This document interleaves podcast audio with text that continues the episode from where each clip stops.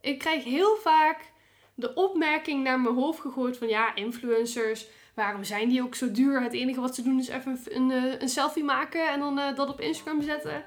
En dan was dat het. En dan vragen ze dan de, de hoofdprijs voor. Hallo, hallo en welkom bij de Social Blond podcast. Dit is de plek voor interessante inzichten rondom persoonlijke ontwikkeling, social media, ondernemen en zelfliefde. In het kort, het is mijn missie om zowel mezelf als jou keihard te laten shinen op alle vlakken in het leven.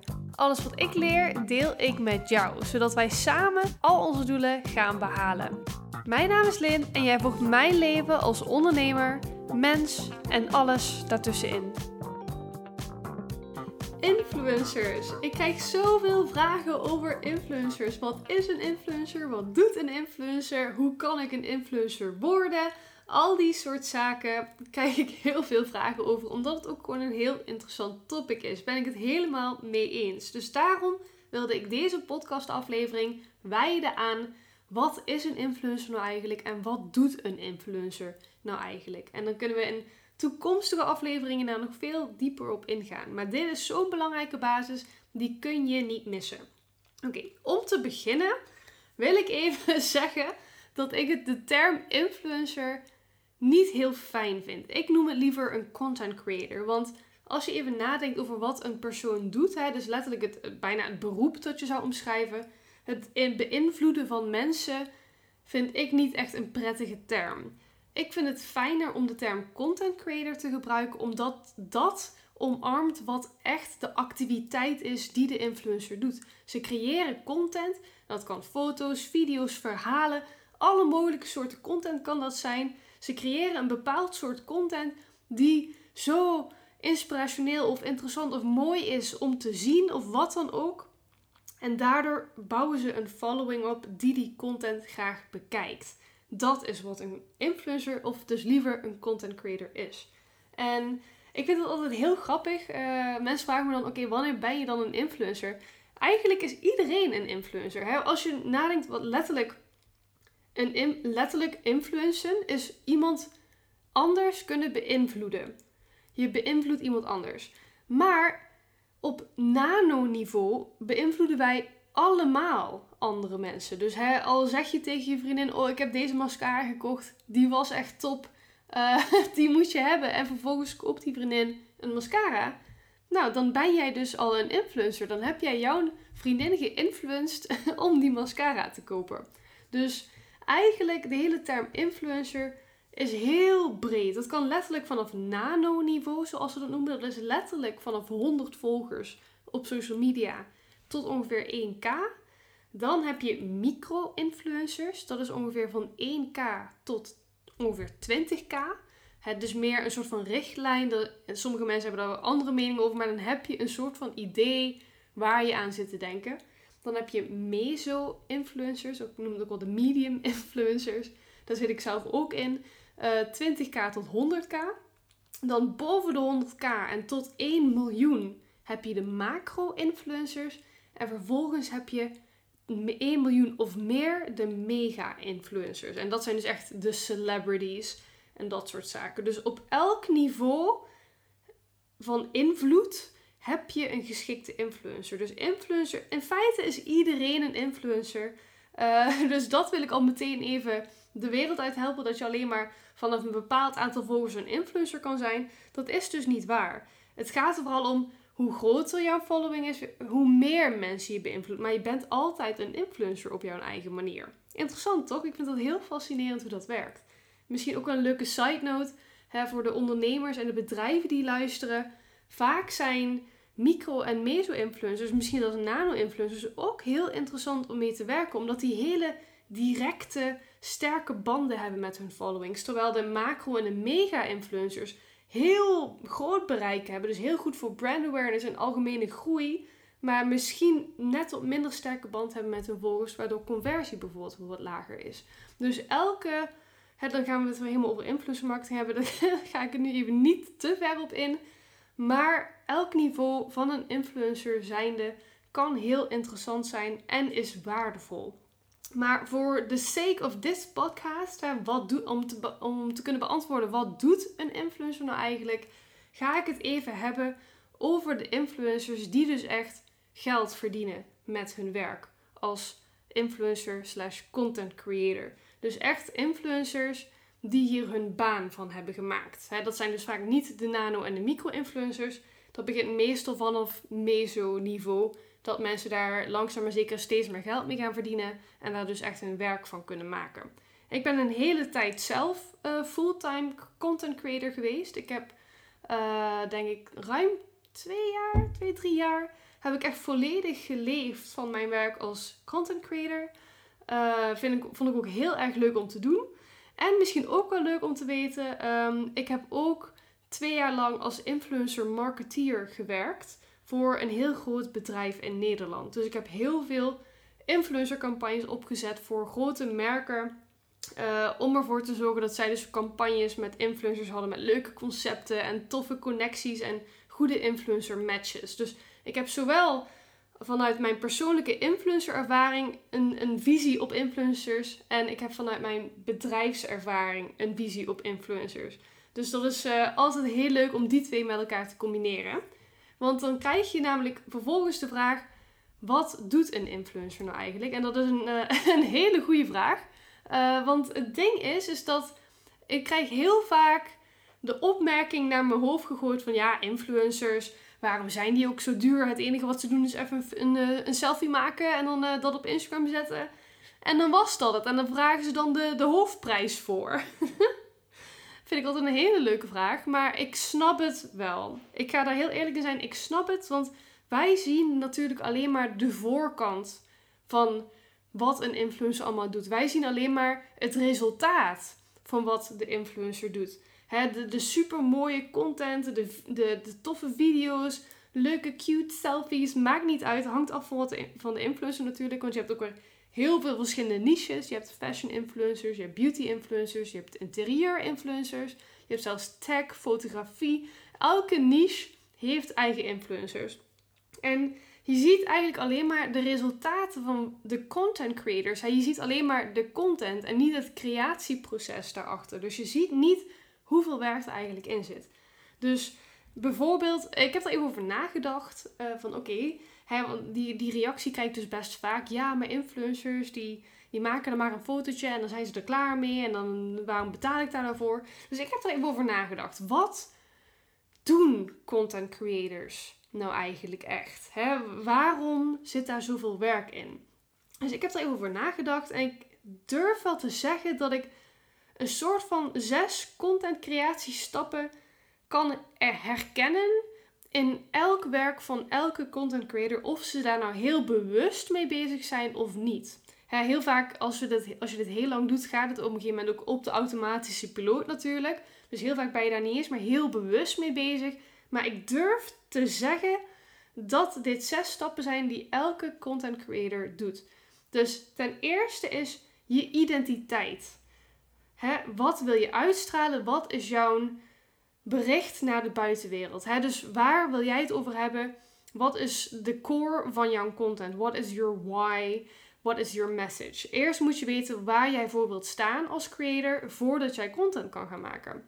Dan krijg je pas het echte creatieproces, dus hè, waar wij vaak het directe resultaat van zien. Maar dan is het niet alleen maar, oh, even een foto maken. En als ik dan nu vanuit mijn eigen ervaring spreek, want iedere influencer is natuurlijk ook weer een individu en doet natuurlijk ook weer andere dingen. Maar als ik naar mijn eigen content creatieproces kijk, dan ben ik bezig met de juiste belichting vinden, een mooie setting uh, of scouten, hè, mooie locatie scouten of een leuke setting creëren met styling.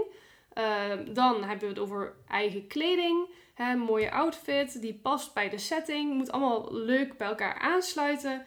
Eh, de juiste framing. Dus ook fotografie ben ik mee bezig. Er zijn heel veel elementen uh, waar ik me mee bezig houd terwijl ik de foto maak. En de voorbereiding van het foto maken. Dus de goede locatie scouten, de juiste outfit vinden. De, al dat soort zaken. Posen, poseren, de, al dat soort zaken. Heel modellenwerk komt er ook nog bij kijken natuurlijk. En dan, als je foto's hebt gemaakt, ga je bewerken. En dan is natuurlijk wel een ander proces. Welke apps gebruik je daarvoor? Heb je bepaalde Lightroom presets die je gebruikt? Of doe je alles met de hand? Heel veel uh, echt hele goede creators die, die besteden heel veel aandacht in heel kwalitatief bewerken. En dan heb ik het nu niet over uh, je lichaam bewerken en over uh, puistjes en, en, en wallen weghalen. Zijn er ook vast genoeg die dat wel doen. Maar dan heb ik het ook gewoon echt hè, op fotografieniveau. Professionele fotografen stoppen ontzettend veel tijd in het mooie bewerken van hun foto's. Mooie, dat de kleuren mooi uitkomen, dat de belichting mooi uitkomt. En heel veel influencers doen dat ook. Dus dat hele proces wat een fotograaf doet, daar houdt een influencer zich ook mee bezig. En dan heb je dus de foto, die is mooi af. Vervolgens ga je dat dus in je feed passen. Hè, want dat is ook vaak bij influencers. Niet iedere influencer doet dat. Maar heel veel creators zijn wel bezig met... Heb ik een bepaald kleurenpalet voor mijn feed? Heb ik een bepaalde aesthetic waar ik me aan wil houden? Heb ik een bepaalde vibe? Past dit daarin? Hoe past het in het totaalplaatje van al mijn content? Vaak heb je een bepaalde stijl ontwikkeld en moet elke content die je maakt dus ook in die stijl passen om die samenhang te creëren, om die vibe te creëren die jij graag wilt uitstralen, waar we het in het stukje identiteit over hebben gehad. En vervolgens, als alles is gepost en de feed en alles, gaan ze kijken welke content deed het goed, welke content deed het helemaal niet goed, wat heb ik daarvan geleerd, wat moet ik de volgende keer beter doen. Ze gaan hun content analyseren om te kijken hoe ze betere resultaten kunnen halen. En dat doen ze vaak uh, misschien onbewust. Gewoon kijken, oké, welke heeft de beste reacties gehad en wat vonden mensen leuk, oh, dan moet ik daar meer van doen. Kun je ook heel bewust doen, dus echt je statistieken te analyseren.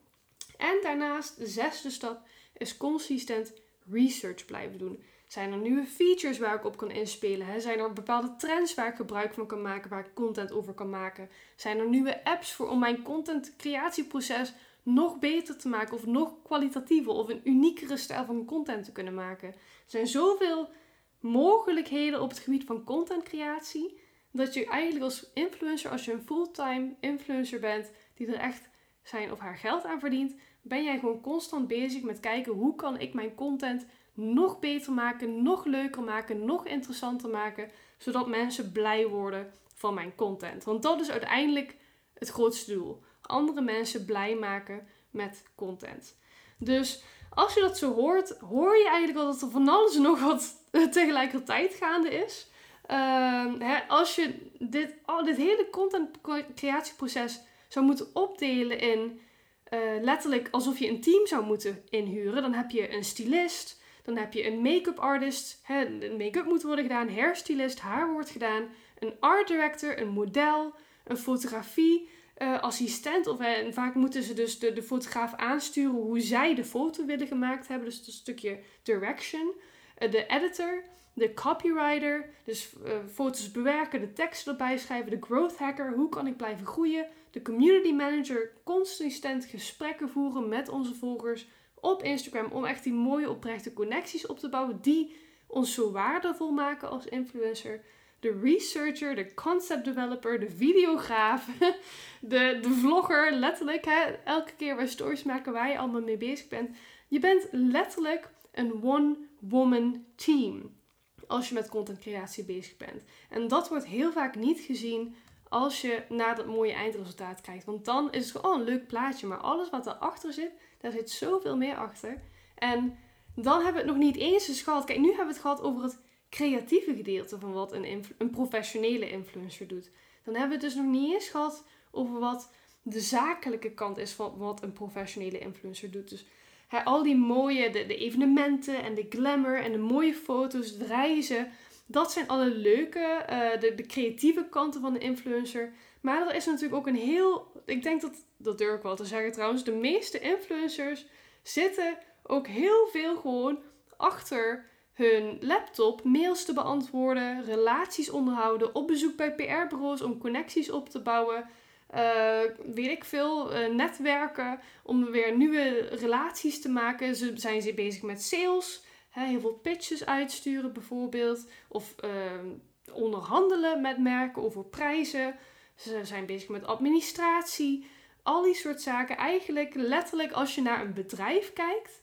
Hè, een bedrijf heeft een marketingafdeling. Een bedrijf heeft een uh, financiële afdeling. Een bedrijf heeft een communicatieafdeling. Al die soort afdelingen die je in een bedrijf kan bedenken.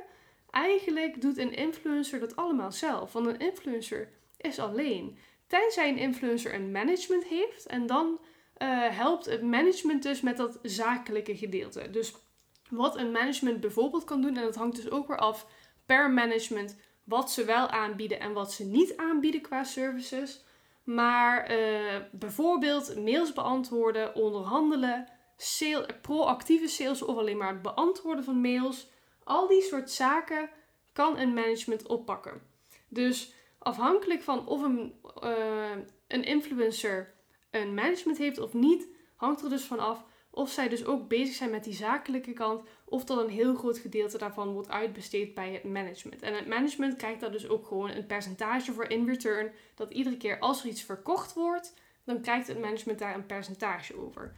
Dus je hoort het al, er zit behoorlijk wat werk achter uh, het leven van een fulltime influencer. Het ziet er allemaal heel glitz en glam uit, maar dat valt dus eigenlijk reuze mee. De meeste van de tijd is het best wel hard bikkelen. En wat ik er vooral, toen ik er echt fulltime mee bezig was, wat ik er het zwaarste aan vond, is dat het echt 24/7 is. Dus als jij een normale baan hebt, dan werk je van 9 to 5 en dan doe je je werk en daarna ben je klaar met werk en dan is het done. Dan heb je vrij. Heel veel influencers hebben dat gevoel. Tenminste, ik niet. En ik ken ook heel veel andere influencers die zich hetzelfde voelen. Dat is non-stop. Want jij bent constant bezig met je community beantwoorden, gesprekken voeren, stories aan maken om te laten zien wat je allemaal aan het doen bent. Dus het is echt iets wat non-stop bezig is. Heel vroeg opstaan om de sunrise te kunnen fotograferen, tot laat doorgaan om alles nog te kunnen bewerken voor de volgende dag. Het is echt urenlang contentcreatie. En natuurlijk hangt dit ook af van de influencer. Sommigen zijn, gaan hier veel, vele malen verder in dan anderen. Ik heb weer bijvoorbeeld een andere, een, een, een travel uh, vriendin, een travel influencer vriendin. Die echt, ik heb nog nooit iemand ontmoet die zo next level dedicated is met, met haar content. En hoe ontzettend hard zij daarvoor werkt. Echt diep respect voor. Diep, diep, diep respect voor.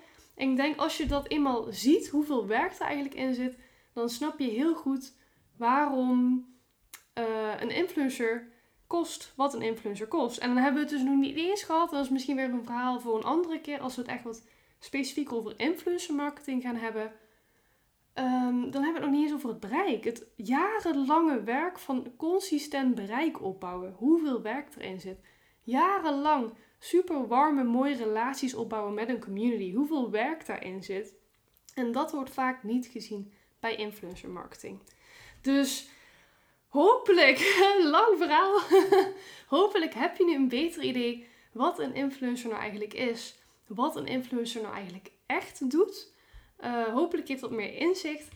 Als je met influencers wilt werken, hopelijk geeft het jou een beter idee van wat er eigenlijk gaande is behind the scenes bij een influencer. Wil je een influencer worden of zijn of ben je daar hard naar op weg?